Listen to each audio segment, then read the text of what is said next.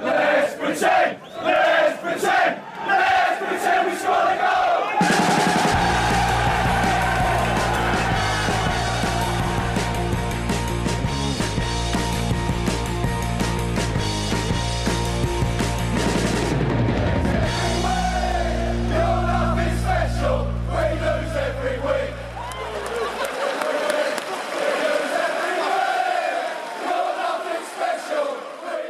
Sportbladets Premier League-podd eh, hälsar er välkomna denna tisdag eftermiddag eh, då vi har samlats, eh, i alla fall digitalt, för att eh, prata om fotboll som inte har spelats ens eh, i den världen.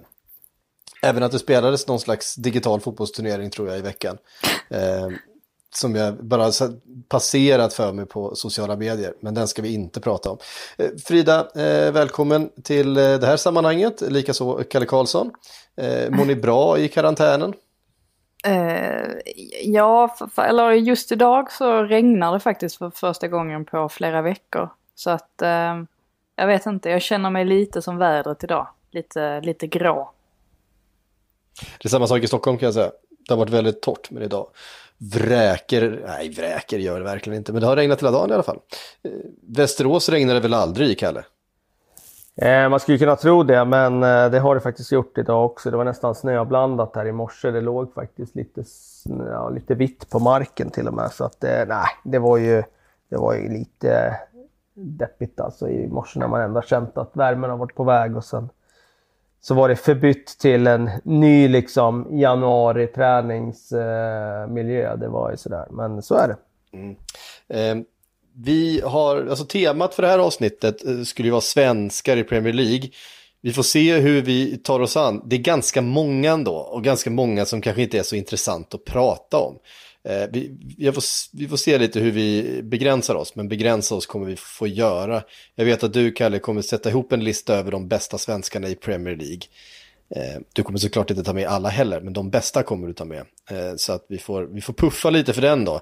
Och sen får vi försöka göra vår egen version. Jag tror att vi kommer avgränsa det till spelare på 2010-talet faktiskt. För att vi ska kunna ge det lite bättre, lite mer värde här och nu. Eh, Ha lite bättre koll, eh, kunna tillföra någonting till diskussionen helt enkelt. Men före vi kommer dit så ska vi ta en liten nyhetsrunda. Eh, transferfönstret som normalt sett öppnar 1 juli. Eh, är det ett bekräftat framflyttat Frida eller är det bara ett eh, förslag? Att det flyttas fram till augusti? Eller är det, är det Eh. bekräftat? Eh, det ser ut som att, eh, alltså det är ju ingenting som är bekräftat, men eh, det ser ut som att det kommer öppna i slutet av augusti istället. Och sen har det ju varit tal om att, alltså nu stod det idag att klubbarna kommer säkerligen göra de mesta av sina affärer i september. Men det har kommit uppgifter också om att transferfönstret kommer att vara öppet hela hösten. Så att det är inte riktigt klart. Men vi kan väl i alla fall konstatera att det kommer att flyttas fram. Så, så mycket kan man slå fast. Ja, eh, det vore ju konstigt annars om man säger så. Eh, med, med tanke på omständigheterna. Eh, däremot så har vi sett att det börjar ändå öppna upp sig. Det börjar ändå närma sig på något sätt. Arsenal öppnar sin träningsanläggning. Eh, det är inte så att det är eh, dags för några något tvåmålsspel eh, framför kamerorna i, London så som vi jobbar i Stockholm. Men någon slags framåtflyttning av position inför en stundande fotboll i alla fall. Får vi väl säga att det är när Arsenal nu öppnar eh, träningsanläggningen egentligen. Vet du vad de har gjort så här långt Frida? Eh, ja, men jag, eh, Tottenham har också eh, öppnat upp nu kan jag tillägga. Eh, så att det är väl efter de här eh, samtalen som man har fört med, med regering och så. Eh, jag kan väl anta att klubbarna har fått någon sorts eh, dispens eh, från riktlinjerna men, men att man fortfarande följer dem. Att man, man får liksom inte lov att vistas eh, för många spelare i, i ett rum och sådär. Ehm, eh, men det har ju också varit tal om eh, alltså kring matcherna och sådär och beroende på var matcherna kommer att spela sen så eh, en lösning ska ju vara att man hyr ett helt hotell och så bor liksom ena laget i ena delen av hotellet och det andra laget i den andra delen av hotellet. Alla hotell här är ju eh, eh stängda. Eh, Så att det, ja, jag, jag tror att det, det kommer sig nog av de här diskussionerna som man har haft nu i veckan. Det lär säkert komma fler direktiv. Just det. Och den sista nyhetspucken som jag hade då var det som du skrev om lite grann igår va? Eh, det eventuella kapandet av Newcastle-affären som väl inte känns så trolig. Det är väl ingen som kommer eh, komma och eh, tackla saudierna ur den här affären, eller? Eh, ja, och sen så kan man ju fråga sig hur, hur, hur kan en affär kapas om den ena eh, blir eh, alltså underkänd att ta över? För det är väl antagligen det som kommer krävas att eh, skulle det vara så nu att den här, det här saudiska eh, kon, ja, vad säger man, saudiska investmentfonden eh, som vill köpa Newcastle, om de skulle få eh, det här nekat då av Premier League, eh, vilket inte är helt orimligt. Eh, och då tänker jag inte minst på att, eh, att Amnesty har kritiserat det här eh, övertagandet, eh, tror jag inte ger så mycket, men däremot att Bain Sports har gjort det också. Jag tror att det är, eh, det är ändå lite tyngd bakom deras ord jämfört med en människorättsorganisation. Jag kan inte fatta att jag säger detta men eh, tyvärr är det så världen ser ut eh, för tillfället. Um, ehm, och den här då eh, amerikanska mediemogulen Henry Morris, tror jag han hette. Um, han ska då vara, ha varit intresserad av att köpa Newcastle under en ganska lång tid och även fört diskussioner med Ashley eh, förra året. Ehm, de har några gemensamma bekanta som eh, har pekats ut som medlare. Ehm, så jag kan väl anta att det verkar som att han vill matcha det här budet också som, som Ashley kräver. Så att skulle det vara så att saudierna inte får köpa Newcastle så är det mycket möjligt att han kliver in istället. Ja, det eh, ska väl sägas då, vill man, vill man veta mer om relationerna mellan, mellan då eh, Saudiarabien, eh, Förenade Arabemiraten och Qatar och hur Bein Sports kommer in i, i eh, den ekvationen så finns det ganska mycket att läsa på om. Det är inte helt, helt förvånande att Bein Sports eh, inte är helt positiva till ett saudiskt ägande av en Premier League-klubb.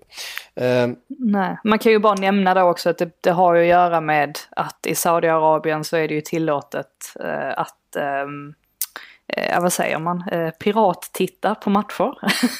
eh, och alltså, alltså ful, fulstreama matcher är tillåtet. Eh, och det, detta tycker ju inte Bain Sports om då, som har rättigheterna till Premier League. Eh, och eh, har sitt huvudkontor i, i Doha. Det är bara lite i, kort sammanfattat så är det där liksom själva eh, schismen nu liksom ligger. Mm. Um, och som sagt en del utav en, utav en betydligt större schism eh, som pågår just nu eh, i Mellanöstern. Men men, eh, hur det nu än är med det. Det var någon, visst var det någon eh, eh, någon skummis som var involverad i medlandet av eh, den där andra Newcastle-dealen också?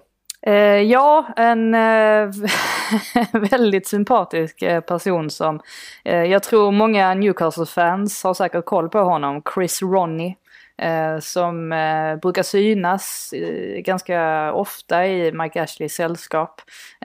har någonting med Sports Direct att göra också, så som jag har förstått att han har haft någon position där.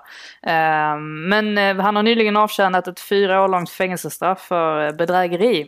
Så att det verkar ju vara en, ja, verkar vara en bra kille. Alltså det här är ju, alltså, Mike Ashley omger sig med de bästa, det är ju eh, sen gammalt. Ja. Eh, ja, men det var väl nyhetssvepet som vi hade eh, för den här gången tror jag. Är det någonting annat som har hänt? Så ni... Det är väl Moise Keane där som har varit ute och trampat i klaveret lite grann. Everton-anfallaren där som bjöd in till party där eh, mitt i karantänen. Han har ju fått en saftig bot från sin klubb och det var väl inte mer än rätt.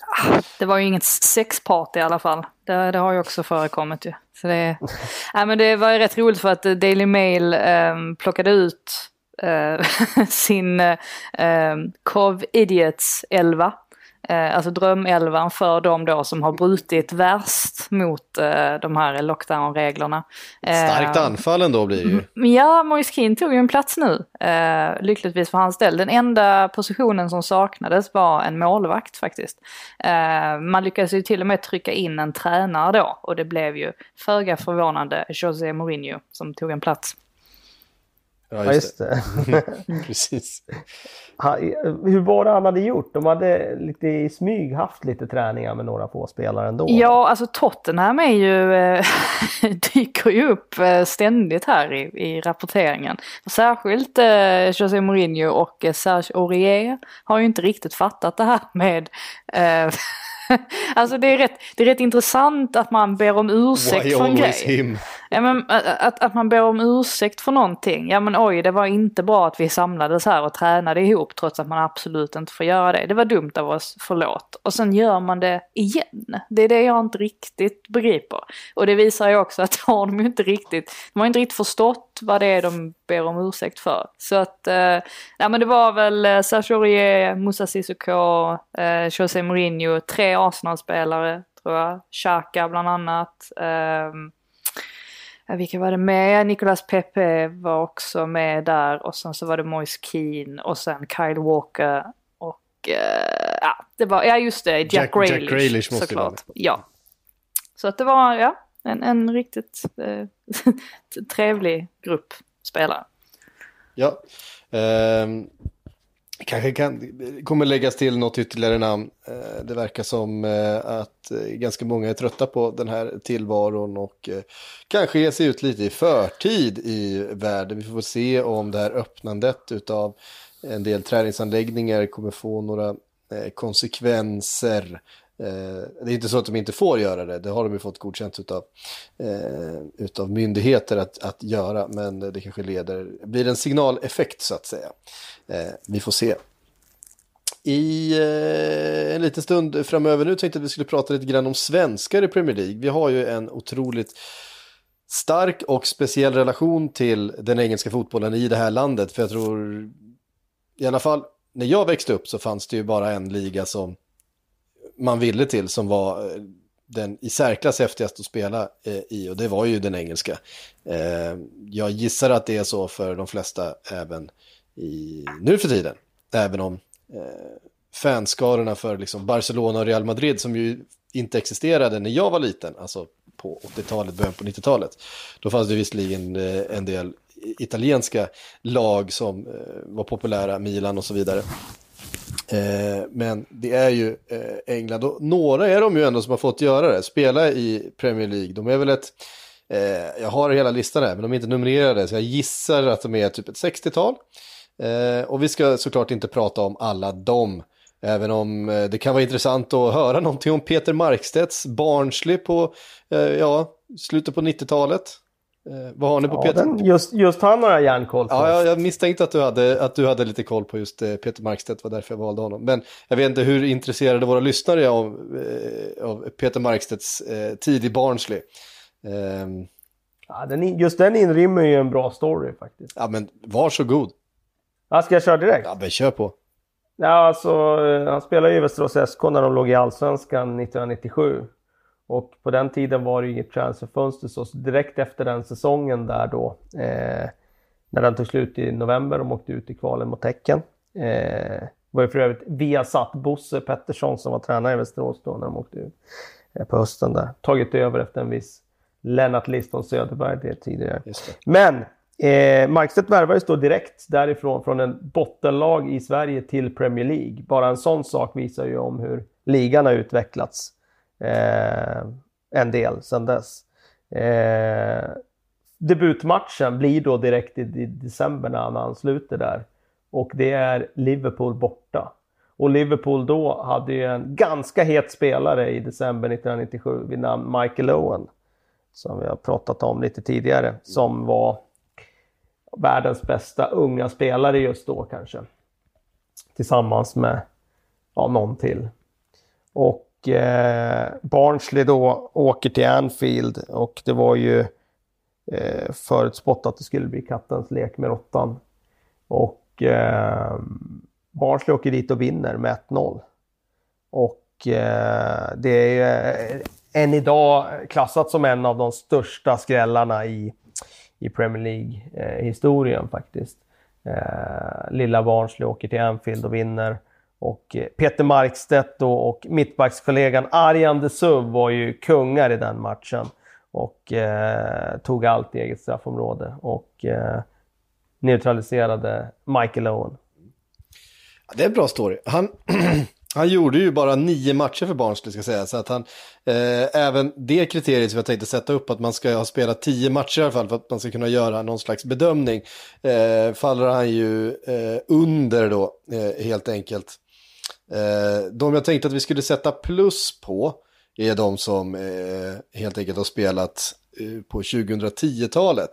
Eh, sen finns det några andra som är värda att nämna.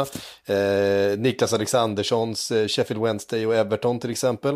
Eh, nej men där i slutet på 90-talet så var det ju ett helt gäng. Eh, Niklas Alexandersson till exempel, Andreas, And eh, Andreas Andersson, Anders Andersson eh, var över där.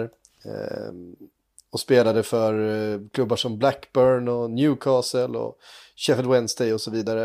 Eh, även Martin Dahlin var ju där på den tiden och, och eh, Thomas Brolin och Jesper Blomqvist. Då var det liksom betydligt fler svenskar i Premier League. Ingen, ingen jättestjärna såklart. Martin Dahlin Eh, och Thomas Brolin hade ju såklart fina eh, karriärer bakom sig med, eh, eh, ja, inte minst förstås VM-bronset och så vidare, men även i andra klubbar. Eh, gjorde ju inga jätteavtryck kanske i Premier League. Thomas Brolin brukar väl, eh, brukar väl ofta nämnas i den där kategorin som de sämsta värvningarna någonsin i, liksom, ja, i engelsk fotboll. Med tanke på statusen han hade men också skicket han var i när han kom. Um... Ja, men då får vi kanske nämna alltså, vad han har sagt nu de senaste, alltså det var inte så många veckor sedan han gick ut och berättade om den tiden i, i Leeds. Han eh, gick ut i en, det var väl i en intervju med Dplay som hade någon eh, serie där med Superstars på hemmaplan tror jag den hette. Där han pratade om hur han hade utsatts för vuxenmobbning i eh, Leeds. Um, och eh, ja men pratade då om liksom hur hur första tiden var där då och eh, att det först hade varit Howard Wilkinson som var, som var tränare och, som så, ehm, och som hade liksom pratat om då att ja men Brolin kommer att bli Eh, att han skulle bli en, en, en viktig del av laget och sådär. Och så kommer han dit och så blir det liksom inte alls så som det var tänkt. Och, Ehm, han anklagar ju Leeds för att ha alltså, ljugit honom rätt upp i ansiktet. Och, um, ja, alltså att uh, det var, ja men han, han använder ordet mobbning. Så att um, där, där ligger mycket tydligen i den, i den storyn. Mm. Ja, det, det låter ju inte speciellt förvånande med tanke på hur, hur allting eh, gick eh, i samband med den flytten. Det var ju uppenbart att det var en, en spelare som inte mådde bra. Det var inget som stämde där. Men jag tänker så här, eh, spelare som har spelat på 2010-talet och gjort minst 10 matcher, eh, de ska vi kunna sätta ett plus på och kanske ge lite mer tid. Och jag tar dem ändå i bokstavsordning här. Eh, har passerat några stycken, vi har ju nämnt eh, tidigare spelare då. Men här kommer Johan Elmander. Eh, framförallt är det ju tiden i Bolton. Eh, 2008 till 11 som, som sticker ut. Eh, Kalle, vad är dina minnen från eh, Johan Elmander i, i Bolton? Att han gör det väldigt bra. Eh, framförallt en höst är det väl. Det är, väl, är det sista året han spelar där? Jag tror att de första två åren är väl okej. Okay, liksom. Nyttig. Passade ju ganska bra i ett sånt lag som Bolton som spelade ganska mycket på fysik och så vidare. Fick ju stort förtroende, han spelade ju där. Eh, var ju startspelare. Big Sams Men Bolton. det var väl sista hösten där i Bolton som han började göra en massa mål. Och då tror jag faktiskt att det var så på hösten där vill jag minnas eller han var i alla fall in, jag minns inte om det var på hösten eller om det var att han hämtade igen det på våren. Men jag vill minnas att det var på hösten där som han låg med lite i skyttetoppen. Och, eh, eh, men sen bara tog det totalt stopp med målproduktionen och sen dalade han ju ganska betänkligt i skytteligan och slutade den säsongen på 10 mål. Men 10 mål i ett lag som Bolton, det är väl rätt okej. Okay. Sen kommer man ju såklart ihåg han i, i Norwich för att han gör bara ett mål, men det målet har ju blivit framröstat som tidernas snyggaste Premier League-mål i någon omröstning. Jo, men varför... Och det är ju väldigt speciellt. Ja, och, och, och varför var det så? det, det, var ju för att han hade gått till eh, Galatasaray och eh, om det är någonting turkar är bra på så är det, så är det att rösta det fram rösta. sina favoriter eh, till olika eh, priser. De är rätt så många om man säger så. Um, men ja, men alltså han, visst var han, eh, alltså han köptes väl för en rekordsumma för Bolton på den tiden. Ja, det var det nog. Och jag menar, ja. Tänker man utifrån den så kanske det inte var extremt lyckat ändå. Men jag vet inte, man kanske hade en annan syn på det eh, då för över tio år sedan. Man måste komma ihåg lite grann vad Bolton var för klubb också. Det känns som att Johan Elmander var Eh, om Bolton-supportrarna minns nog tillbaka på Johan Elmander som en, en eh, ganska lyckad värvning ändå. Tror ni inte det? Ja, det tror jag. Det tror jag. Alltså, en trea ska han ju ha i alla fall. Sist... Ja, det tycker jag nog. Alltså, det var ju lite tungt med målskytten de där två första åren och det är klart han fick en del kritik då för att han inte gjorde tillräckligt mycket mål. Det vi dock vet om Elmander var ju att som fotbollsspelare var ju alltid nyttig även om han inte gjorde mål. Eh, han var ju otroligt drivig och kunde sysselsätta ett försvar. Så han, han hade ju ändå ett värde även om han kanske inte var sådär spetsig just på, på att avsluta. Men sen med den där sista säsongen i och med att han ändå hamnar på, på tio mål totalt där så tror jag ändå att man betraktar honom som en spelare som, eh, som var hyfsat lyckad ändå. Mm. Eh, så tre är väl rimligt. Ställer du upp på en trea Frida? Ja, ja gud ja. Eh, jag bröt mot mina egna regler här det första jag gjorde. Det var när jag skulle ta det med bokstavsordning. Då hoppade jag ju över både Erik Edman och David Elm som faktiskt var med in på säsongen eh, 2009-2010 och har således spelats på 2010-talet i eh, Premier League. Eh, vi får börja med Erik Edman då, som ju har en lite mer omfattande Premier League-karriär än vad, vad David Elm har. Eh, får man säga, även om den också är intressant. Men Erik Edman, i Wiggen då på eh, slutet, men framförallt i Tottenham och framförallt det där målet ju. Som han ju liksom för evigt ihågkommen eh, för. Erik Niva skrev ju i dagarna en intervju med Erik Edman där han berättade väldigt ingående om sin säsong, sin säsong i Tottenham där. Det, Erik Edman är ju alltid intressant att lyssna på tycker jag för att han eh, ja, brukar ofta bjuda på sig själv så att säga i, när han surra. Det gjorde han ju även under den aktiva karriären. Eh, så det, där kan man ju få lite mer fördjupning. Men eh, min bedömning är ändå att han gör ju en helt okej okay säsong i Tottenham. Har ju lite otur med den där skadan han får och så värvar de en, en spelare då, han sydkoreaner Pyung där i slutet av, eller inför nästa säsong som gör att han då blir tvåa. Men eh, han gör det väl helt okej okay den säsongen och det där målet han gör på Anfield det kommer ju eh, för alltid vara ihågkommet för oss svenskar. För det är, ja, jag kan inte komma på någon, någon värre kanon vi har sett någon svensk skicka in i, i fotbolls-Europa någon gång. Det, det blev till och med stämplat eh, El Basatado Gol av eh, alltså mexikanska pressen. Eh, och det är, det är ett ganska fint hedersomnämnande om ett mål. Det är lite speciellt. Vad betyder det? Nej men det är ju liksom, alltså då är det ett riktigt, eh, ett riktigt, eh, ett riktigt sjukt mål. En dönare.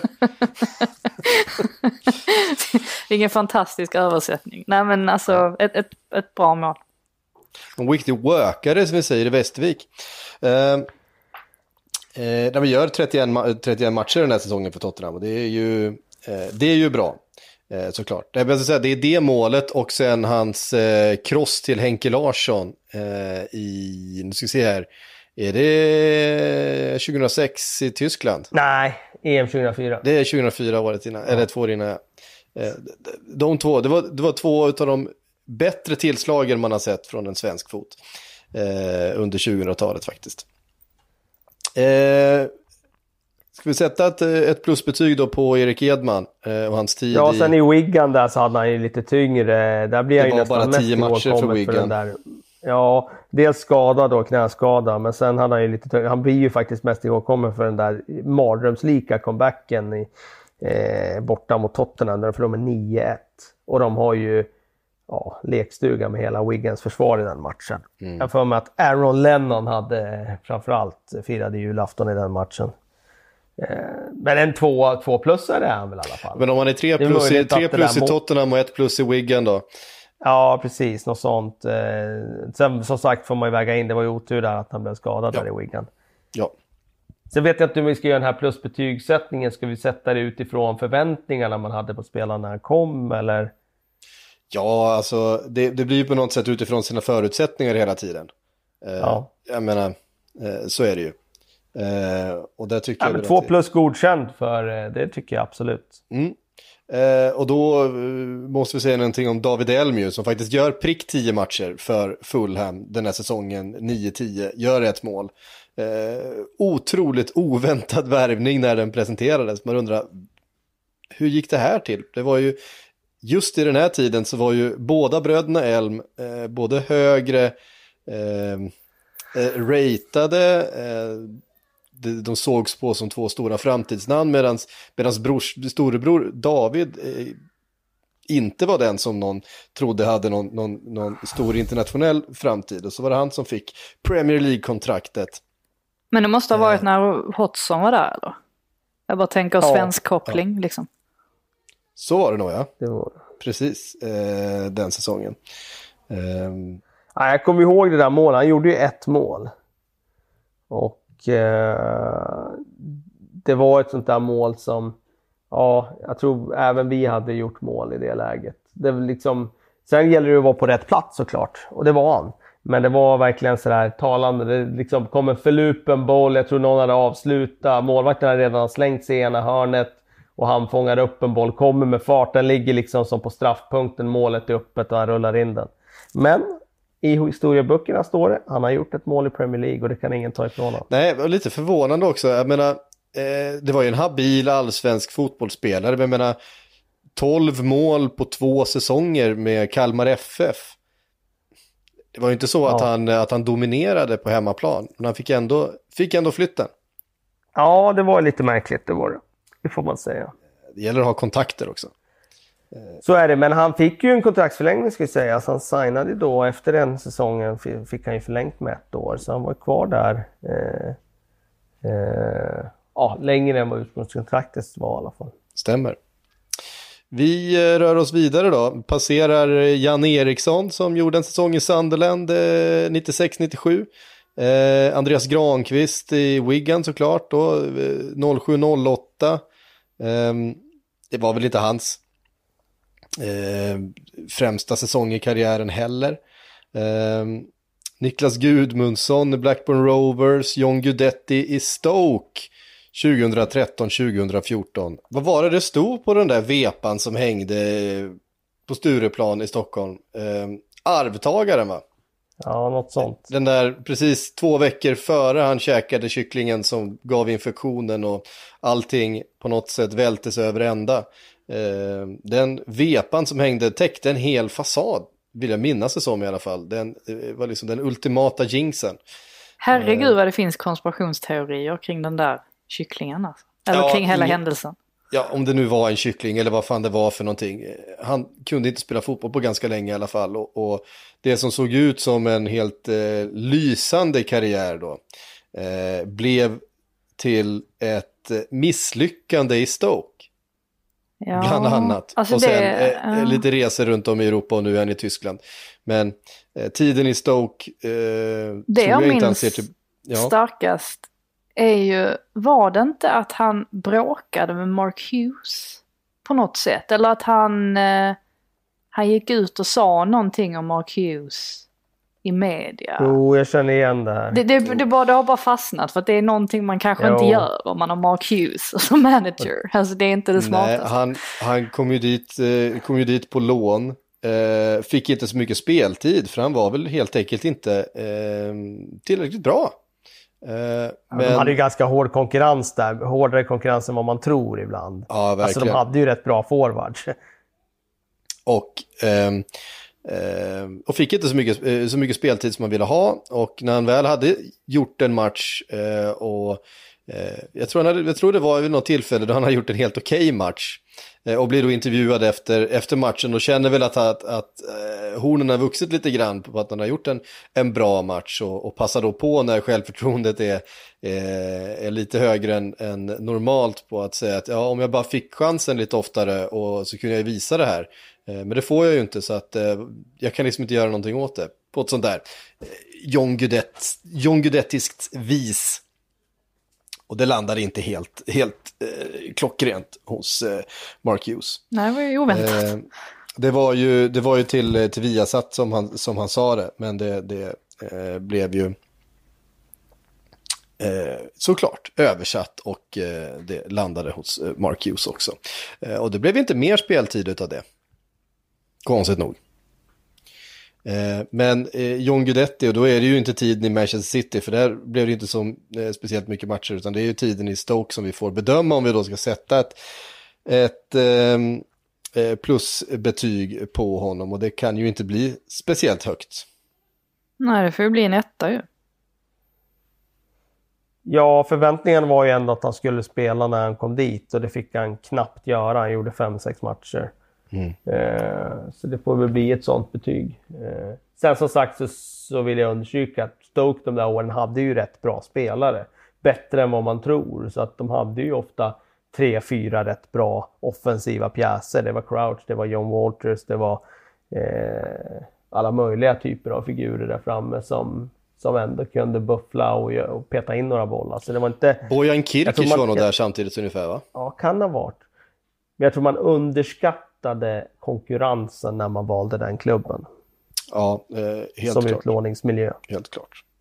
Vi eh, snubblar då förbi Thomas eh, Antonelius och eh, Magnus Hedman på väg och landar hos eh, Zlatan Ibrahimovic. Eh, mm. Och han, sina två säsonger inte, i Manchester United. Han har man inte läst om så mycket den senaste tiden. Nej, vi har knappt skrivit en text om Zlatan de senaste, de senaste 15 åren på Sportbladet. Eh, ah. kanske, vi kanske borde ju skrivit lite mer om hans eh, förehavanden. Eh, det är helt, helt sjukt hur mycket Zlatan vi har pratat. Och hur mycket Zlatan vi ändå har pratat om i, i, i den här podden trots att han ändå bara har gjort ett par säsonger. Men som han gör, vart han än är, så sätter han ju helt sanslösa avtryck. Eh, kommer dit och är ja, en av Manchester Uniteds viktigaste spelare, såklart. Ja, eh. man ska väl framförallt minnas också att eh, även om han lyckades omvända en del kritiker där, dels under EM 2012 och sen också såklart när, alltså, eller efter invigningen av Friends då när han gjorde fyra mål där mot England och inte minst den där bicykleten som vi alla har sett. Um, så hade han ju fortfarande, det är ju lite så med dem här borta att har man inte spelat i Premier League då, då är det ju, alltså, man existerar ju inte riktigt eh, för många. Eh, så att man, det ska ju sägas att det var många som... i England. Nej men det är det jag menar, alltså här i England så är det så att du existerar inte riktigt som fotbollsspelare om du inte har spelat i, i Premier League. Um, så att uh, han hade ju en hel del uh, alltså press på sina axlar när han kom hit. Och man får ju faktiskt säga att han levererade över förväntan. Eh, verkligen. Många viktiga mål inte minst. Eh, det kändes som att, eh, ja men i tider så var det faktiskt Zlatan som, som bar Mourinhos eh, Manchester United lite grann.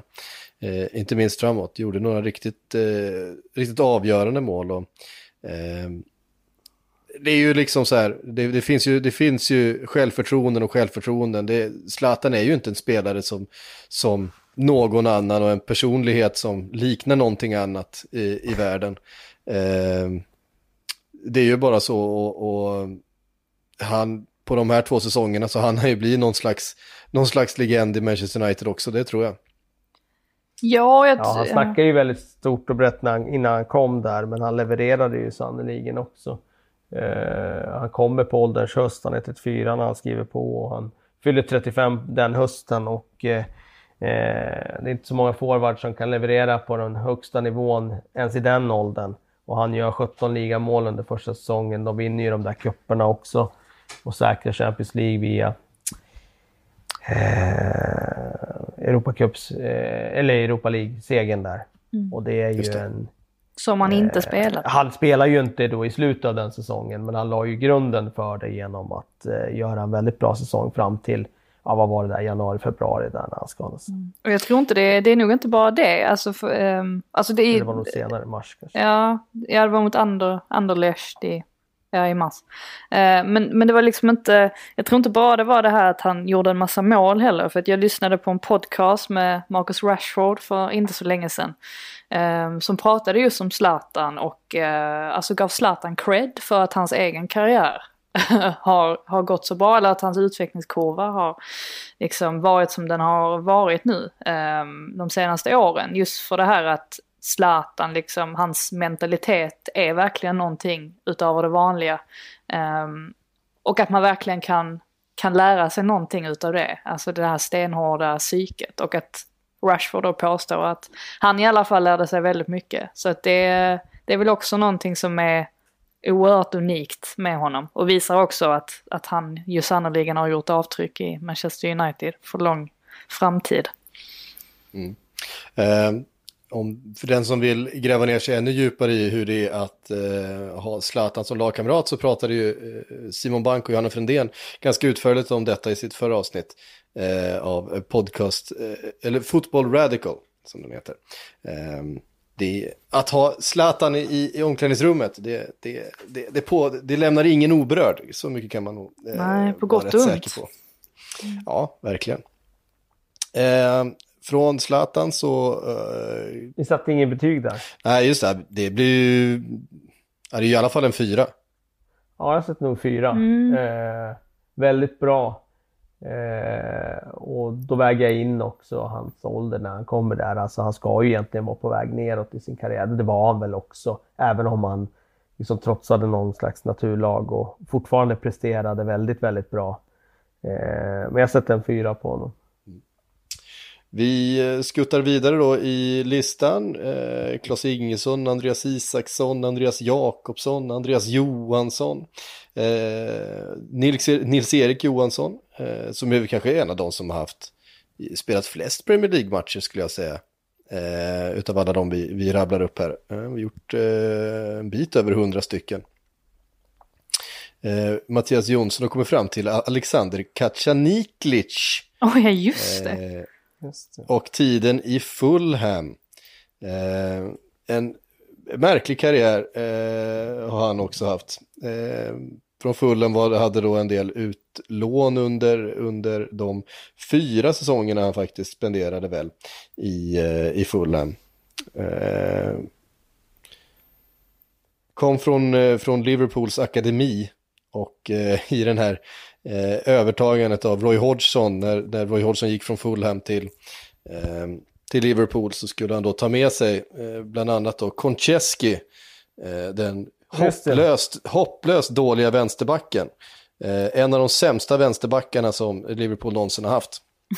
Skulle Roy Hodgson med liksom till vilket pris som helst ta med sig eh, och skickade då ett par talanger och eh, en eh, hel del pengar till Fulham för att eh, få Koncheskis eh, tjänster. Det fungerade inte speciellt bra för varken Koncheski eller eh, Roy, men för Kacaniklic så blev det bra. Därför att han eh, istället för att försöka slå sig in i ett lag där han eh, antagligen inte hade fått någon speltid så fick han möjligheten att få det i Fulham istället, där han hade betydligt bättre möjligheter. och det gjorde han ju och var väldigt lovande under, under eh, perioder. Eh, vad minns ni från Kacaniklic tid i, i Fulham? Jag såg honom faktiskt spela live på Craven Cottage. Det måste ha varit 2012. Uh, eh, tror jag. Uh, jag. jag. kan inte påstå att jag minns jättemycket från matchen. Jag minns inte ens var den slutade eller någonting. Men eh, nej, han, han var ju verkligen sådär Kasaniklic. Det var ju ett tag som man pratade så extremt mycket om honom. Och det var, man ville liksom ha in honom i, i landslaget och eh, jag vet han, eh, ja men Zlatan hyllade väl honom, ja det gör ju han. Så fort Zlatan hyllar någon så, så blir det ju en grej av det. Men att det var väldigt, väldigt mycket snack om Kasaniklic. Och sen var det som att det bara, det bara ebbade ut lite grann. Um, alltihopa och sen vi ska ju inte ens prata om den tiden han hade i Nantes sen. Alltså den var ju Eh, det är ju som liksom ett helt tomt kapitel innan han då liksom återvänder till allsvenskan. Så att, jag vet inte, jag har inte så mycket att säga om honom. Eh, nej. Han kommer ju fram och är väldigt spännande där. Kommer ju bland annat ihåg i det här målet han gör på Emirates borta mot Arsenal. Då kändes han ju väldigt het. Och då menar jag mer i ett svenskt perspektiv med landslaget och sådär. Ja, visst. Han var ju gjuten i Här har vi landslaget fått då. fram... Vad sa du? Han var ju gjuten i landslaget då. Ja, absolut. Men eh, det ebbade ut som sagt. Ja, vad sätter vi för betyg då? Alltså de första åren där var väl helt okej. Men sen var det ju så många, det var ju ny utlåning varje år typ. Så Ja, att det, då är det ganska svårt att sätta ett betyg utifrån. För han var väl i, i FCK också var ett år. Exakt. Då var han ju inte ens... eh, Så det är, alltså, det är ju rätt svårt att sätta någonting mer än en tvåa liksom. Eller jag vet inte. Nej, jag tycker inte heller man kan sätta högre än en tvåa.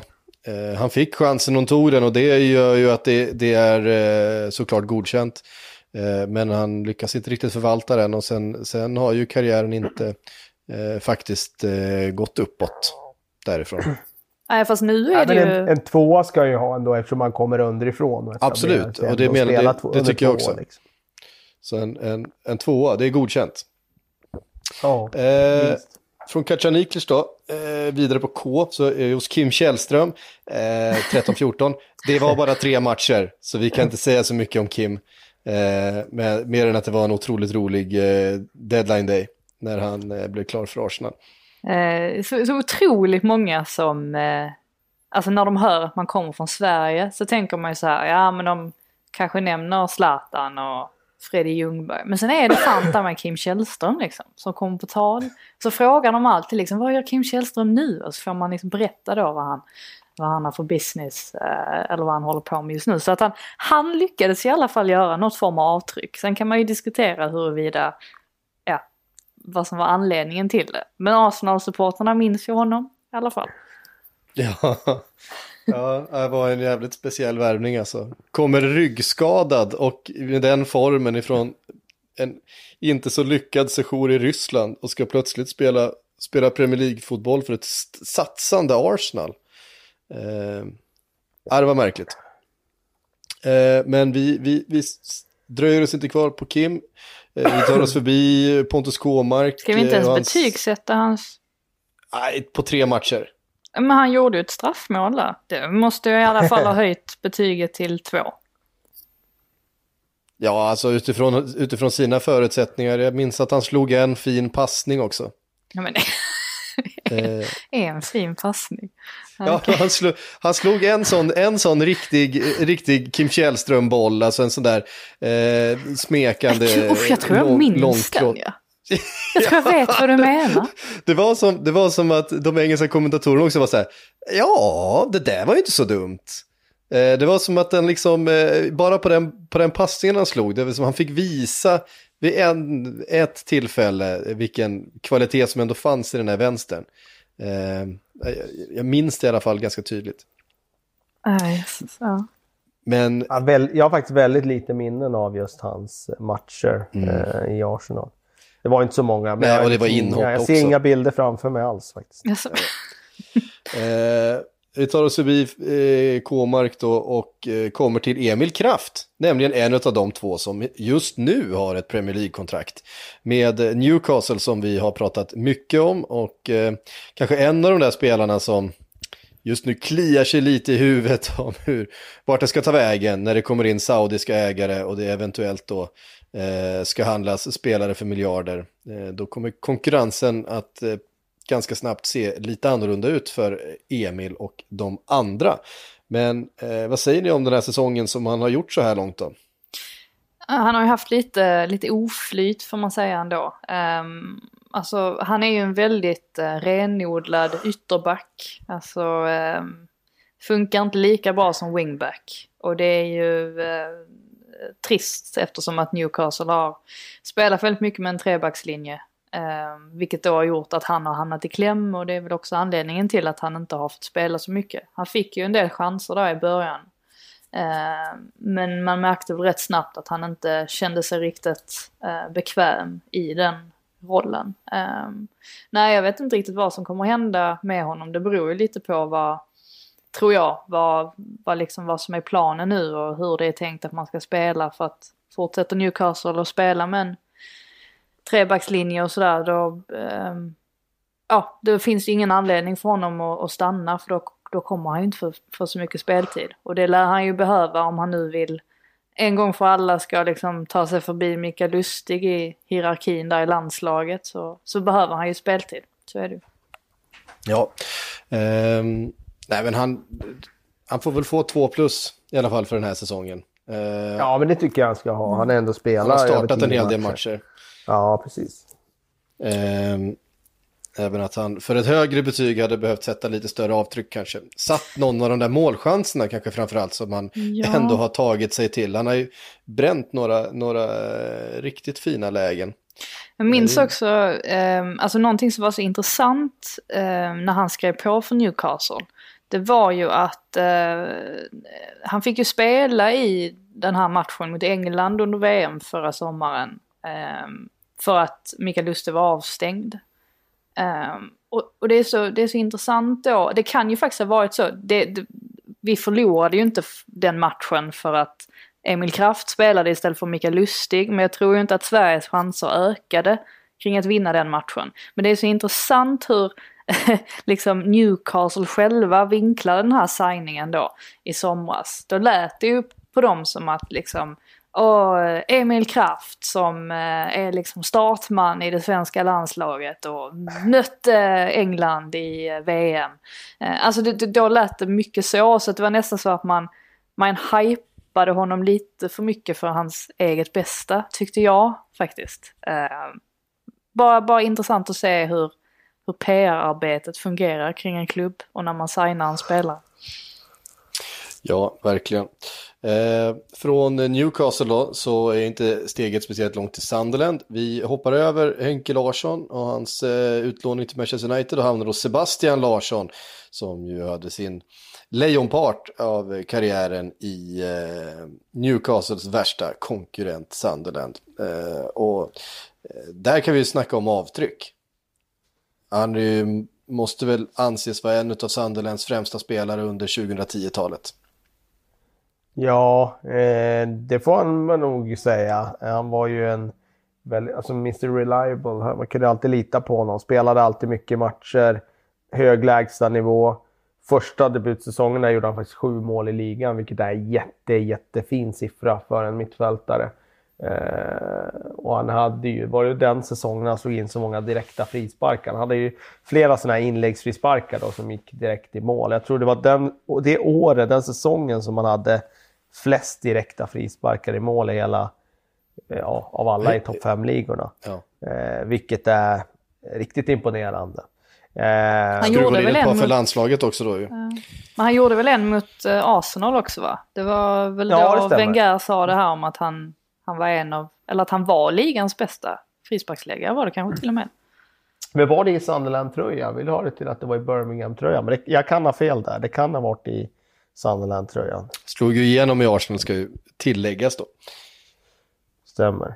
Alltså jag, jag, eh, jag skulle sätta ett ganska högt betyg på honom för hans Premier League-tid. Han har ändå eh, varit nyttig för de lagen han spelar. Han var ju riktigt bra när han var i Birmingham, ska man komma ihåg. Det är ju också inne på förra decenniet, så att säga, i början av förra decenniet.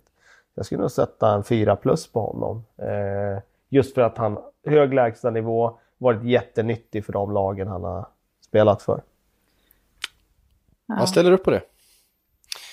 Fyra plus. Det... Trist avslutning såklart i Sunderland, men jag vet inte om han har så mycket del i det. Om man tittar på Sunderland till I Die-dokumentären ser man ju att det kanske inte är en sådär jätte eh, välfungerande klubb. Tecknena fanns där innan också om man säger så. Ja, jag tror det.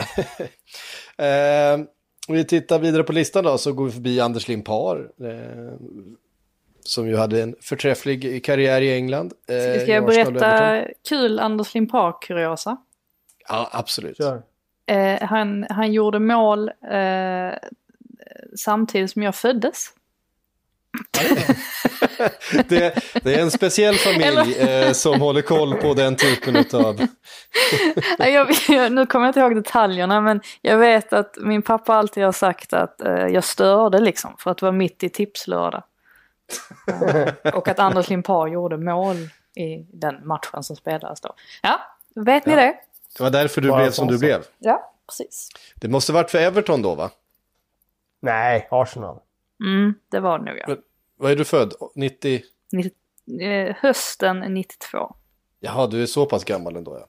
Eh, Men, ja, just det, det är det ju. Eh, ja, jag, jag, fick för mig att du, ja, ja precis, ja, men då är det ju Arsenal såklart. Men eh, nästa namn på listan, och nu tänker jag lämna över scenen till dig Kalle, därför att det är en spelare ja. som du har sett på nära håll eh, senaste tiden, nämligen Victor Nilsson Lindelöf, Västerås egen Baresi. Eh, eh, som nu har inne på sin tredje säsong i Manchester United och kanske är det hans bästa. Ehm, vad är din eh, bedömning av eh, Victor Lindelöf i Manchester United, Kalle? Ja, en tung första tid får man ju säga. Eh, gör ju ett par eh, uppmärksammade misstag där eh, första hösten. Och då får han ju lite den engelska pressen emot sig och får man det så då synas man ju ännu hårdare. Eh, jag tyckte han hade en väldigt stark mentalitet där som reste sig för, från den eh, starten som var riktigt, riktigt dyster och nästan becksvart. För att det var ju så, precis i en tid när kraven på Manchester United var jättestora. Han köps för mycket pengar och nu ska det bli ordning på försvaret och så blir det ingen ordning på försvaret. Och, eh, han var lite darrig då, det får man säga, första hösten. Eh, sen reste han sig från det och eh, gjorde ju en rätt solid vår vill jag minnas. Eh, men då fanns ju den där stämpeln kvar. Så så fort han gjorde ett litet misstag då så blev ju det som att det blåstes upp väldigt stort igen. Eh, säsong två så tycker jag att han gör det bra. Eh, då växer ju han ut till den som är ordinarie i försvaret och sen tror jag att han lider rätt mycket av att de inte hittar rätt partner, mittbackspartner till honom den säsongen. De hattar mellan Småling och Jones och ibland Erik Bailly och det är säkert Rojo någon gång också. Jag vet inte, det var väl ingen som var riktigt pålitlig bredvid honom. Och han lyckades ju inte bära eh, backlinjen på det sättet, eller som en annan mittback så, på det sättet som van Dijk alltid har lyckats göra de andra bättre runt omkring. Utan han gör en helt okej okay andra säsong, eh, på gränsen till bra säsong då. Och sen tycker jag i år att nu när han fick Maguire bredvid sig så, så har de Eh, deras samarbete har blivit bättre och bättre. Det är klart att det fanns något missförstånd där i, på hösten även den här gången. Det var väl när Crystal Palace gjorde några mål där. Det såg lite lättvindigt ut. Början av säsongen när de förlorade hemma. Men eh, avslutningen här innan coronan bet sig fast här över fotbollen så hade väl United, jag minns inte exakt nu eh, siffrorna, men det var säkert i alla fall en 5-0 på de sju sista matcherna eller något liknande. Och eh, då tyckte jag det såg väldigt tryggt ut där bak. Eh, du har ju sett honom på nära håll nu. Hur skulle du bedöma honom? Det är svårt i en sån här situation såklart, men vad är dina intryck? Ja, alltså mina intryck är väl det som man har... Eh, alltså det som man hade innan. Men det är klart, man får ju... Man får, när man får se det på nära håll så får, liksom, kan man ju utröna lite mer detaljer i det. Han är ju väldigt... Eh, eh, solid. Han kommer ju aldrig bli någon liksom, försvarare som, som gör svåra grejer och liksom dominerar och glänser. Det är, det är inte ofta han gör det. Det är oftast han går in och gör sitt jobb på ett bra sätt. Och så har det varit när han har med oss också, att han, han gör allt rätt. Men det är inte så att han, han kan inte ta bollen och, och liksom, vad ska jag säga, det är inte så att han tar bollen och gör någon solo-ride framåt utan han, han smälter in ganska bra tror jag på den nivån där han spelar. Spelar han på superettanivå så kommer han göra allt eh, prickfritt utan att liksom vara är, liksom, Jag tror inte att han kommer, han kommer såklart vara dominant och så vidare men han kommer inte, man kommer inte liksom eh, eh tappa hakan. Men å andra sidan kan han gå in på den högsta nivån och göra det på samma sätt. Det finns ju den typen av spelare och jag skulle nog sortera in honom i det facket att de är väldigt eh, solida i sitt spel och anpassar sig till den nivån där de spelar. Mm. Eh, sen tycker jag det är liksom fascinerande bara att se just det där med när en spelare från den nivån kommer ner till ja, super, svensk superettanivå, liksom vad, vad, vad liksom eh, skillnaden ligger i. Och det är ju, de är lite snabbare i, i tanken och löser situationerna lite bättre. Och eh, det är ändå, det är kul att se det på nära håll, det är det. Mm. Det är fint. Vad, vad ger vi för eh, slutbetyg då för de här säsongerna han har gjort i Manchester United? A lot can happen in the next three years. Like a chatbot maybe your new best friend. But what won't change? Needing health insurance. United Healthcare Tri Term Medical Plans are available for these changing times. Underwritten by Golden Rule Insurance Company, they offer budget friendly, flexible coverage for people who are in between jobs or missed open enrollment. The plans last nearly three years in some states, with access to a nationwide network of doctors and hospitals. So, for whatever tomorrow brings, United Healthcare Tri Term Medical Plans may be for you. Learn more at uh1.com.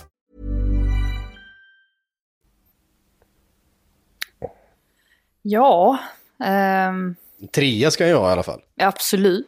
Ja, det är väl där det ligger. Eh, jag tycker att det är det tack vare den här säsongen nu när de ändå avslutar väldigt starkt här. Man får ju alltid vägar utifrån förväntningar och sådär och han köptes ändå för en stor peng och den kommer alltid påverka eh, liksom synen på en, på en värvning. Men 3 plus tycker jag absolut att det är. Och, alltså han har gjort det bra. Eh, gjort det bättre, kunde definitivt ha gjort det sämre också, men jag tror att hans, hans kurva pekar definitivt uppåt i, i Manchester United. Mm. Vi, eh, vi fortsätter framåt. Vi har några kvar innan vi ska knyta ihop det här. Vi eh, hoppar Tobias Lindroth och Freddy Ljungberg. Kanske den mest framstående svensken i, i Premier League. Det får man väl ändå säga eh, att eh, Freddy är under, med alla sina säsonger i, i Arsenal. Ehm, och eh, Olof Mellberg passerar vi där på vägen också. Kommer ner till Jonas Olsson i, eh, ja, och alla de åren i West Bromwich eh, Albion såklart. Eh, Jonas som ju eh, lite likt eh, Sebastian Larsson eh, liksom växte ut och blev en av Eh, kanske inte de viktigaste spelarna för West Bromwich under 2010-talet, men, men eh, definitivt en eh, fanfavorit eh, blev han ju. Det var ju eh, ganska starka reaktioner när han väl lämnade eh, och flyttade hem till Sverige, eh, vill man minnas. Vad är era, era intryck av Jonas eh, och hans tid i, i West Brom? Nej, men det är väl precis som du säger att han, han har i alla fall gjort, gjort någon sorts avtryck också och det finns väl en anledning till också att eh, alltså varje gång han kommer tillbaka till West Bromwich, eh, alltså på någon match eller sådär, så blir han ju väldigt varmt emottagen. Och jag vill minnas också när han spelade i, i allsvenskan nu att, eh, att det var, fanns liksom West Bromwich-fans som åkte och kollade på honom bara för att han spelar för Djurgården. Eh, vilket ju såklart visar då att ehm, han väl har gjort det bra. Sen ehm, jag vet inte hur det var riktigt där med, ja, med landslaget. Där slog han ju sig aldrig riktigt in eh, på det sättet. Och gjorde väl ett misstag också i någon match. Som väl var lite sådär att där hade han chansen att visa upp sig och sen så gick det inte riktigt som det var tänkt och sen så kom han liksom aldrig riktigt med. Eh, men ja, en, en, en bra karriär. Sen var väl inte den här lilla avstickaren till Wiggen, blev väl lite som det blev. Eh, det var väl mest för att han saknade England och, och ville komma hit några månader, eh, skulle jag tro. Ja, de fick in lite rutin och lite lite så i laget också som de eh, behövde. De, de, de, kanske behövde varann ett, ett, ett litet tag, eh, Jonas och Wigan. Eh, men det måste väl vara ett, ett hyfsat starkt betyg på Jonas också för den, för den tiden i West Brom. Ja, alltså han är ju lite av en kultspelare ska jag säga under de här åren. Inte så att han kommer vara det liksom generationer framåt, men under de här åren så var han ju definitivt en eh, kultspelare, en symbolspelare för West Bromwich. Var ju eh, mestadels gjuten i mitt försvaret och gjorde det ju oerhört bra. Var ju, det var ett lag för övrigt som var väldigt bra på att tämja storlagen. Och han och mittbackskollegan Gareth McAuley var ju väldigt, väldigt... Eh, Stenhårda. Så, ja, starka eget straffområde och runt egen box och så vidare. Jag, jag tyckte alltid det var kul att se Jonas Olsson spela i England för han levde ju upp till hela den här liksom, mytbilden om eh, schablonbilden av Premier League, engelsk fotboll och så vidare. Det var väldigt mycket hjärta i det han gjorde och, och eh, jag tycker att han är en rätt begränsad fotbollsspelare så. Han har ju gjort väldigt mycket av sin karriär med rätt begränsade medel och det måste man imponeras av. Jag vet att han tycker själv att han, eh, för jag var nere och träffade honom i England och gjorde en lång intervju med honom för fyra år sedan och då vet jag att han själv tycker att han kanske inte har fått riktigt den eh, Eh, erkännandet som passningsspelare. Eh, han tycker att han har ett bättre passning, han tycker att han har ett okej okay passningsspel så, men om man tittar på honom som spelare så, så kan jag nog slå vad om och sätta både hus och hem på att det har funnits betydligt mer talangfulla spelare i hans ålder i Sverige som, som kanske hamnade i, i svenska semiprofessionella ligor. Medan han ändå hade en karriär som, som innebar Premier League-spel i, i sju, åtta säsonger och det, det måste man imponeras av. Eh, otrolig mentalitet och, och professionalitet också. Eh, så att jag skulle sätta 4 plus alltså. Det, det är minst alltså. Utifrån förväntningar, vi ska komma ihåg att han kostade alltså 800 000 pund när han köptes. Det är inga stora summor de värvade honom för. Nej. Det var inga så höga förväntningar och de fick en spelare som var, stannade nästan i tio år i klubben. Mm. Uh, ja, men jag, jag, skriver under på det.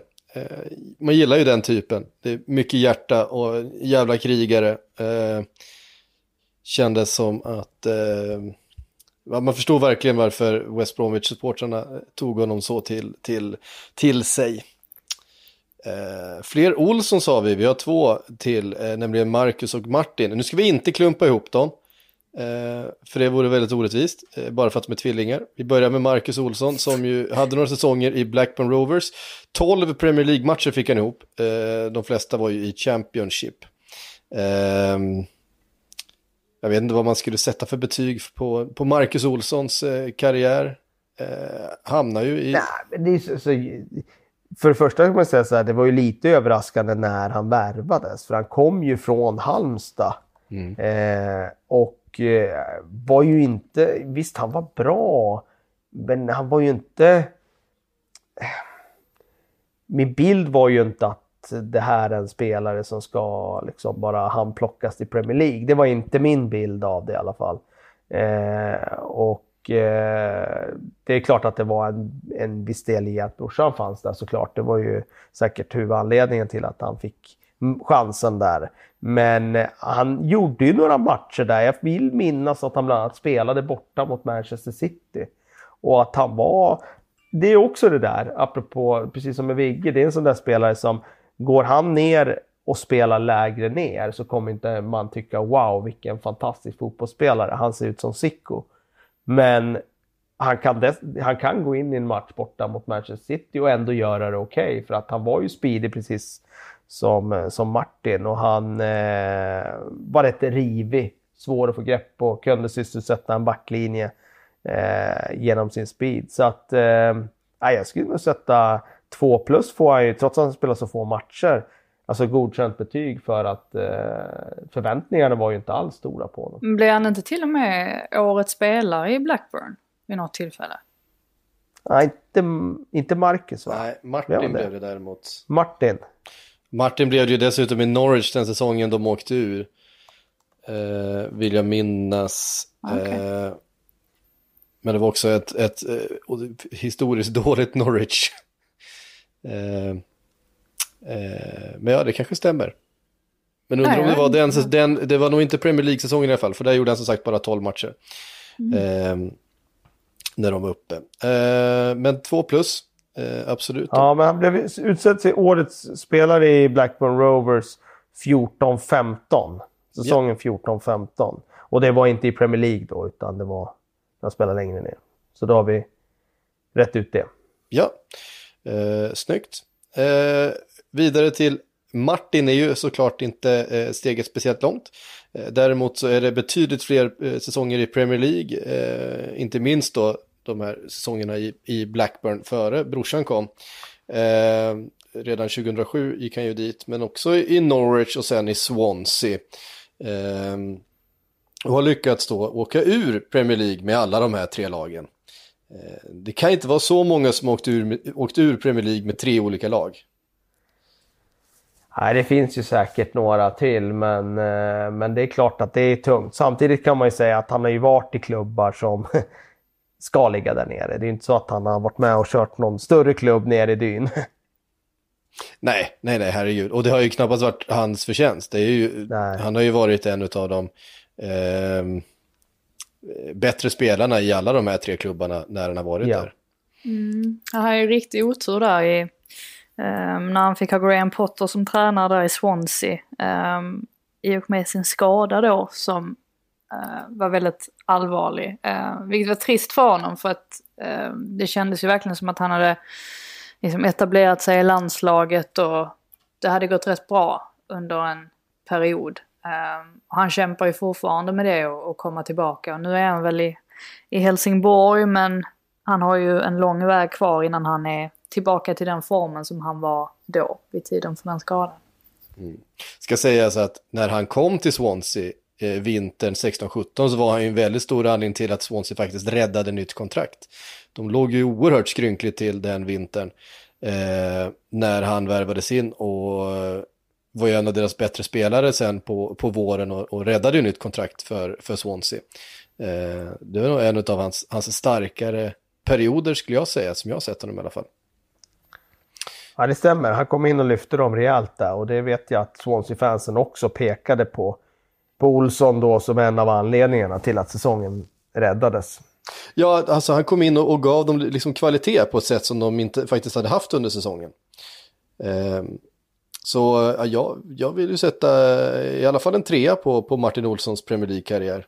Ja, det måste vi göra. Och då, då drar du ju ner lite då att han åkte ut tre gånger såklart. Men jag håller med dig, en trea är det definitivt. Ja, det är, det är en ganska stark trea. Och det är också spelare som har kommit underifrån också. Ja, precis. Och etablerat sig på det sättet. Så att, eh, nej, det är en imponerande eh, gedigen Premier League-karriär. Rätt många säsonger. Mm. Det är många överlappande löpningar. Ja, det kan man lugnt säga. Eh, eh, de är han bra på, eller var bra på i alla fall.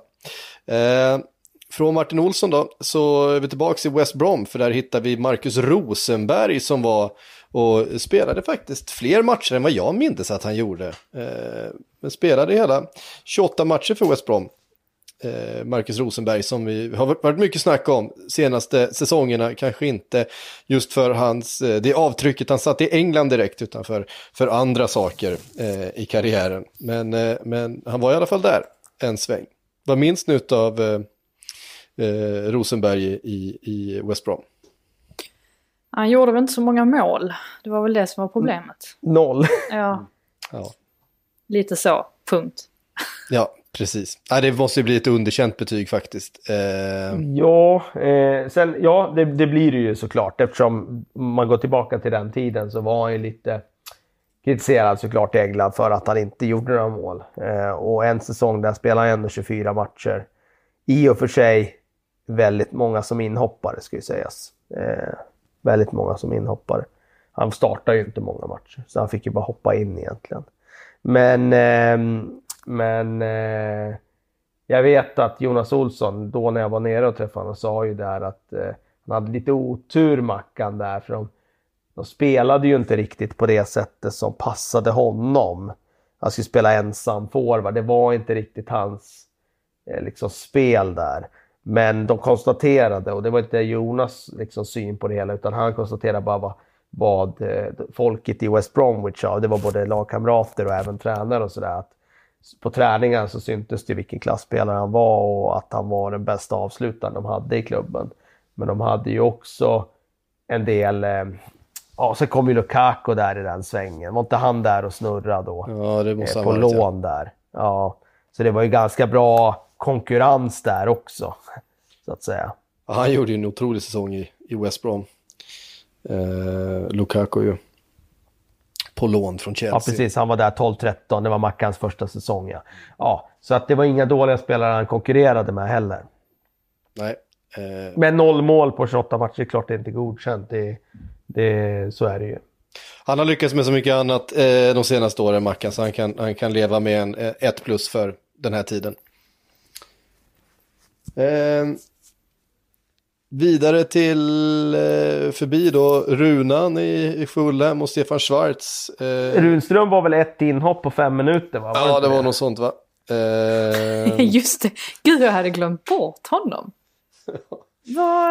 vad, gör han nu för tiden? Ja, han brukar jag springa på rätt ofta när jag bodde i Stockholm. Eh, för han satt ofta och fika på ett café där vid, eh, rätt nära Medborgarplatsen. Så d- han sprang man på lite då och då. Eh, men har inte han, gav inte han sig in i agent... Eh, jo.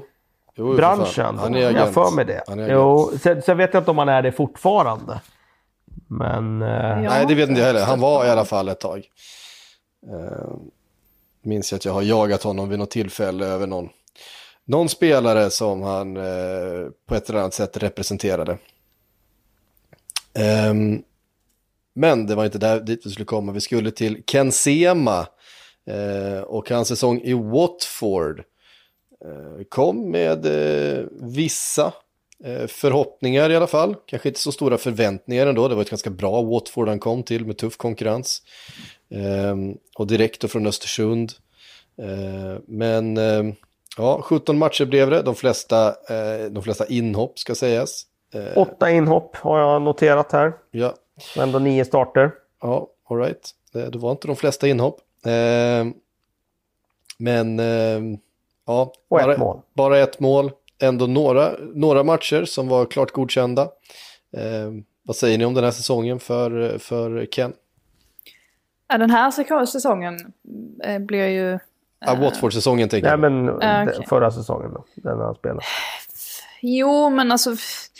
Nu, jag, jag vill ju minnas att man var väldigt sådär bias liksom varje gång man kollade på en match så hoppades man ju att han skulle alltså, göra, göra bra ifrån sig. Och det var väl... Um, han blandade väl och gav lite grann. Um, vissa saker gjorde han... uh, eller vissa matcher så gjorde han det rätt så bra. Sen så märkte man i, i andra skeden att han...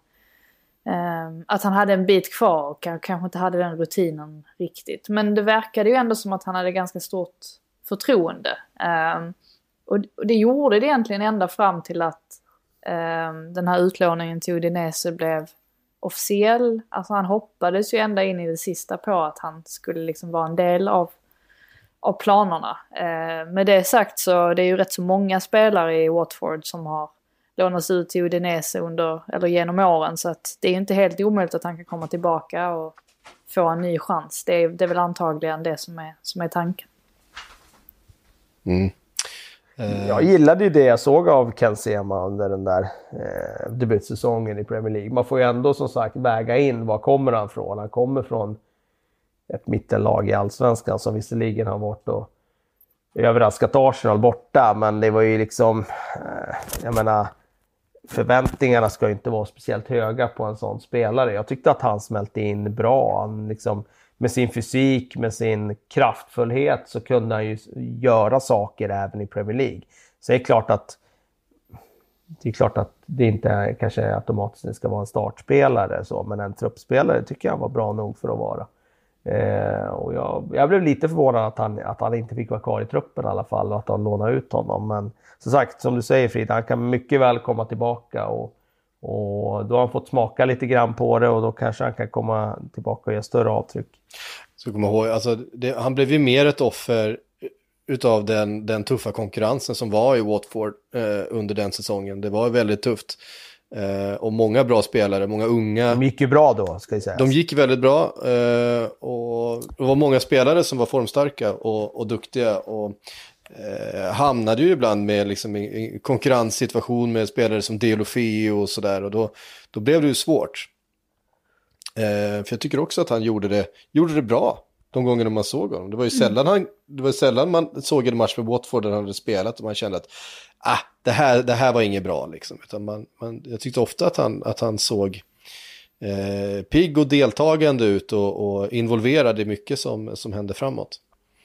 Eh, faktiskt. Men eh, vad sätter vi för, för betyg på?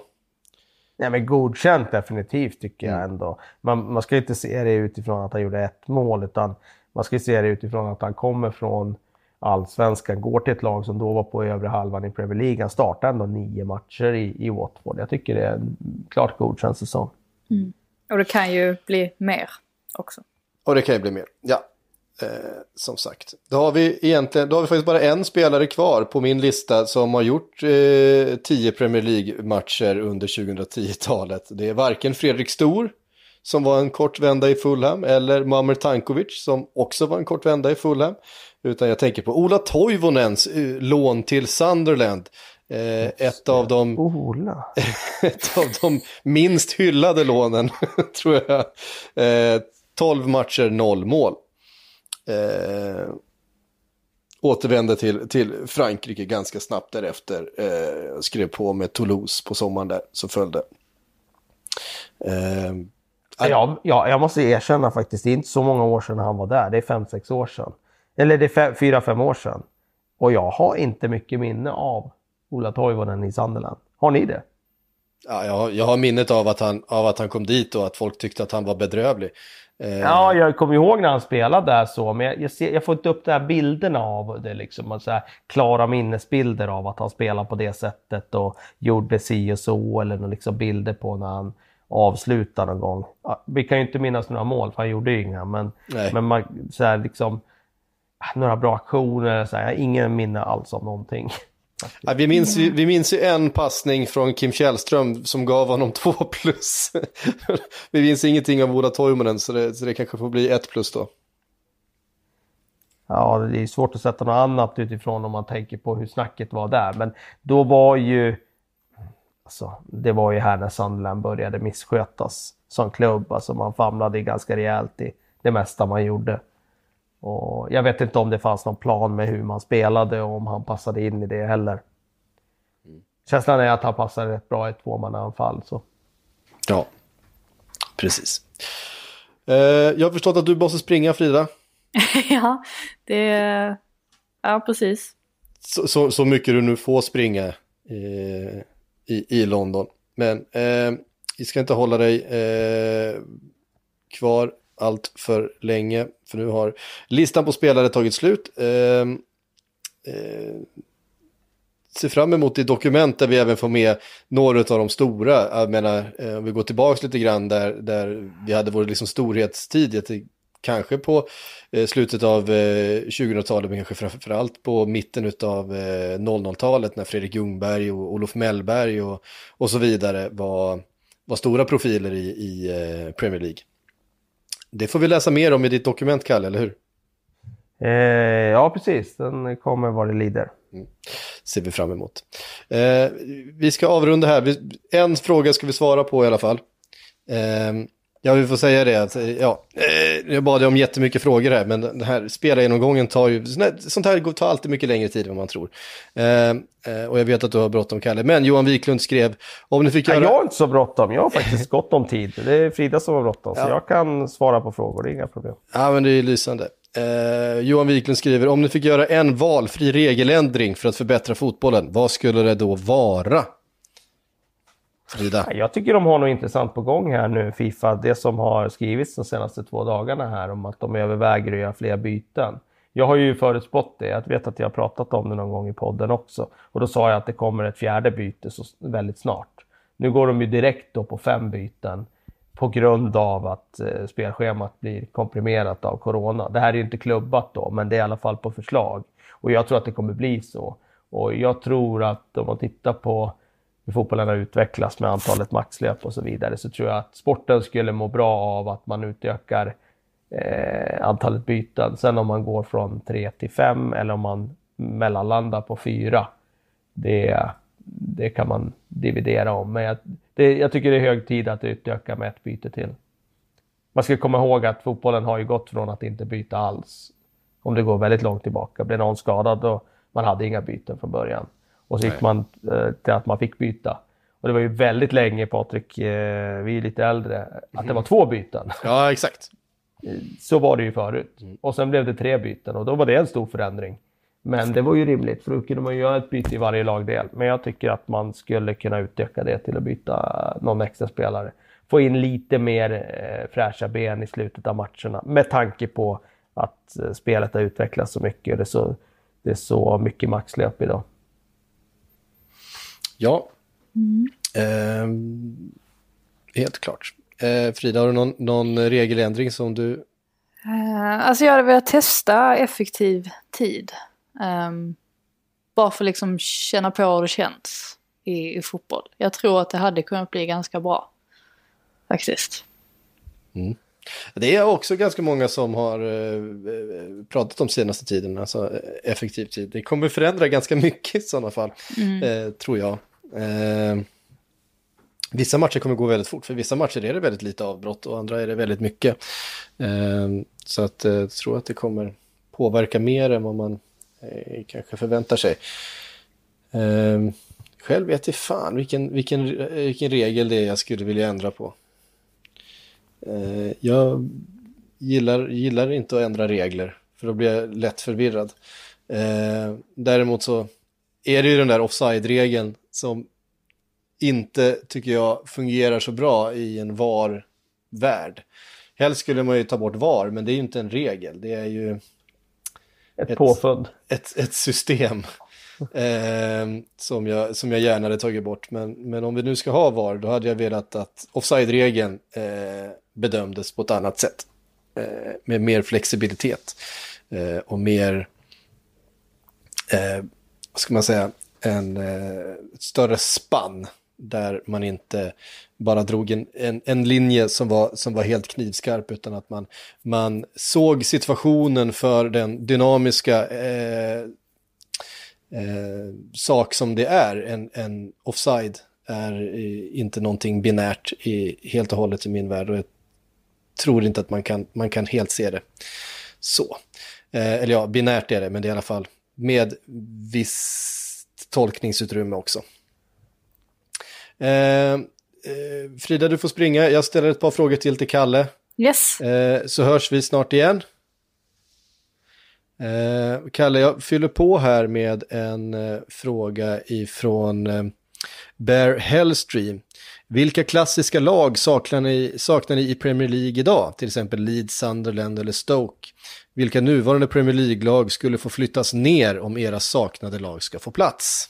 Oj, den där, är ju, den där frågan dyker ju upp lite med jämna mellanrum skulle jag vilja säga. Jag svarar alltid Leeds på den och det tycker jag har att göra med att det är ett klassiskt lag, stor klubb. ja, det så. Och dessutom ett jättestort följe. Jag tror att det skulle bli en, en hype om någon kom upp. Nu dessutom med Marcelo Bielsa som, som manager, det hade ju varit ännu mer kittlande. Så Leeds definitivt. Sunderland har ju fått faktiskt en del nya anhängare tack vare den här briljanta dokumentärserien som har sänds om dem. Och det är klart att man nu, de var ju inte så sexiga förut Sunderland, men nu efter den här dokumentären så känner man ju ändå för dem lite grann. Så att jag kan nog känna, eh, och då känner jag med med folket i Sunderland liksom, som verkar vara genuina fotbolls, passionerade fotbollssupportrar som man unnar lite framgång. Så att eh, Sunderland skulle jag också kunna tänka mig att ta upp, även om de inte är så här jätteexotiska. Eh, så att, nej, men det är de två då, tycker jag. Eh, vore intressant. Ja, jag, jag håller faktiskt med om det. Och man skulle, det är alltid trist att peta ner någon. Men Ja, jag har inte jättestarka känslor för liksom ett lag som Brighton, det har jag inte. Ehm, eller Norwich för den delen heller. Men, eh, eh, och det är ju det är samma sak med Bournemouth. Eh, de har ju varit uppe länge nu och, och, och har ju förtjänat att vara uppe. Eh, och gjort det väldigt bra. Men, men eh, ja, det kanske finns andra lag som man tycker eh, borde hänga kvar. Vill inte gärna skicka ner ett Newcastle just nu till exempel. Vilket jag inte heller tror kommer hända. Eh, men vi har fått lite frågor om det faktiskt. Eh, när det gäller just eh, Newcastle. Vi fick det från Gunnar Swede. Eh, han skrev egentligen två frågor. Jag slog ihop dem till en. Eh, för jag tycker att de, de hänger ihop. Han skrev så här, låt oss säga att man spelar klart säsongen på något vis. Eh, det tror vi fortfarande att de kommer göra. Eh, vilka lag har bäst möjlighet att förbättra sin position i ligan jämfört med om den skulle avslutas som det är nu? Och hur nervösa kommer Newcastle-supportrar att vara vara att man ramlar ur med laget man har nu och förstör en satsning med nya ägare nästa säsong. Ehm, eh, um, och vi har fått eh, fler frågor om det. Om det här övertagandet, om det sker nu och så ska Newcastle in och spela fotboll när man vet att man har nya ägare och det är trots allt ganska jämnt. Det är, det är åtta poäng ner till strecket. Så att jag, det, jag ser inte riktigt att, att de skulle rasa ihop på det sättet. De har 35 poäng nu och eh, vad brukar vi säga, 38 brukar räcka för att säkra kontrakt. Ja, då kan det krävas lite mer den här säsongen. För den är lite speciell i och med att toppen har varit så himla utspädd. Det är inte så många topplag som har tagit så mycket poäng. Så det är sant. Men 40 skulle kanske kunna då? bli lite, Ja, skulle kunna behövas någon poäng till. Och frågan har ju varit då gällande de här spelarna som eh, ja, helt enkelt känner att de kanske inte har så mycket att spela för eh, i en tid då det kommer satsas. Men samtidigt tror jag som spelare att, man, att, man, att man ändå tror på sig själv och man ändå vill ge sig Ja. själv chansen i en sån här miljö och snarare Ja. vill visa framfötterna. Det tror jag. Dels det, de vill vara kvar och få vara med på den här satsningen. Sen eh, är de i ganska stort behov då, om de inte ska vara kvar. Att de gör bra reklam för sig för att vara intressanta för andra klubbar i så fall. Så nej, det tror jag inte man ska vara orolig för. Jag tror att Newcastle löser det. Eh, Och som sagt, 88 poäng ner och det är så otroligt många lag som, som slåss där nere och att Newcastle skulle rasa ner. Alltså de är uppe på 13 plats nu. Ska Ja, säga, så att de nej. skulle rasa fem position, alltså placeringar ner och 8 poäng, det, det har jag väldigt svårt att se. Någon klubb som skulle kunna tjäna på det, det är väl en sån som Tottenham hade väl lite skador och sådär va, på Kane och så vidare. Just det. Eh, och de lär ju ha tränat i kapp nu. de har ju ju vara- tränat mer än alla andra. Ja, dessutom. Nu har vi kört egna pass med Mourinho där på träningsanläggningen. Eh, I all hemlighet. Så att nej, de tror jag, de, möjligen att de skulle kunna tjäna lite på det. Men det är så, det är så spekulativt, man vet ju inte alls. Det, det kommer ju bli ett jäkla getingbo om när de väl spelar klart det där. Bo på ett hotell och så bara spela matcher inom kort tid och så bara pang, pang, pang in med mosa ihop de här omgångarna som är kvar på kort tid. Lagen med breda trupper borde ju rimligtvis tjäna på det. Vi tar frågan från David istället. Om ni fick makten att sätta Sancho i United eller Chelsea, vilken klubb tror ni skulle vara bäst för honom? Eh, där fick vi alltså från David. båda skulle kunna vara rätt bra. Jag har inget eh, sådär... Eh, jag menar, eh, i Chelsea får han bli en del av deras unga projekt. Och han skulle kunna få en skräddarsydd roll där till höger. Eh, och United skulle han också kunna få en skräddarsydd roll till höger. Och det handlar ju om att ta två lag tillbaka till toppen. Eh, på det sättet ganska lika. Eh, jag tror att eh, han skulle passa bra i båda de här lagen. Mm. Ja, jag, jag, jag lägger ändå in en liten mer för just för Chelsea, för jag tycker de har någonting väldigt där ungt, eh, rappt och spännande, där, där han ju hade kommit in som en superstar eh, trots sina unga år. Eh, det hade varit häftigt att se honom tillsammans med, med de andra juniorerna i, i Chelsea på något sätt och, och bygga något. Sen tror jag, hade jag varit hans agent eh, så hade jag nog ändå satt honom i Manchester United. För jag tror att de är i större behov, ett, av en superstjärna, eh, vilket ju Sancho är. Eh, och då, jag tror att de har också en... Eh, eh, alltså de, har, de, de är ju den största klubben fortfarande på något sätt. Eh, och ett Manchester United som, som växer igen och som kan växa eh, med en sån här eh, stjärna som, som Jadon Sancho, då tror jag att eh, Manchester United är en rätt bra klubb att vara i, eh, om man säger så. Så jag tror att hade jag varit, hade jag varit hans agent så hade jag satsat på Manchester United, eh, men personligen så hade jag tyckt att det var eh, lite roligare att se honom i, i Chelsea. Ja, då hann vi svara på lite frågor i alla fall, Kalle. Eh, Yes. Yes, vi eh, ja, får sätta mig och, och, klippa ihop det här nu då. Klockan börjar bli mycket. Man måste eh, ta hand om sig själv också. Ja, Eh, så är det. Mm. Eh, Kör hårt med det. Kör hårt med träningarna framöver. Vi, eh, vi hörs snart igen. Och tack, vi. tack för att ni har lyssnat. På återhörande.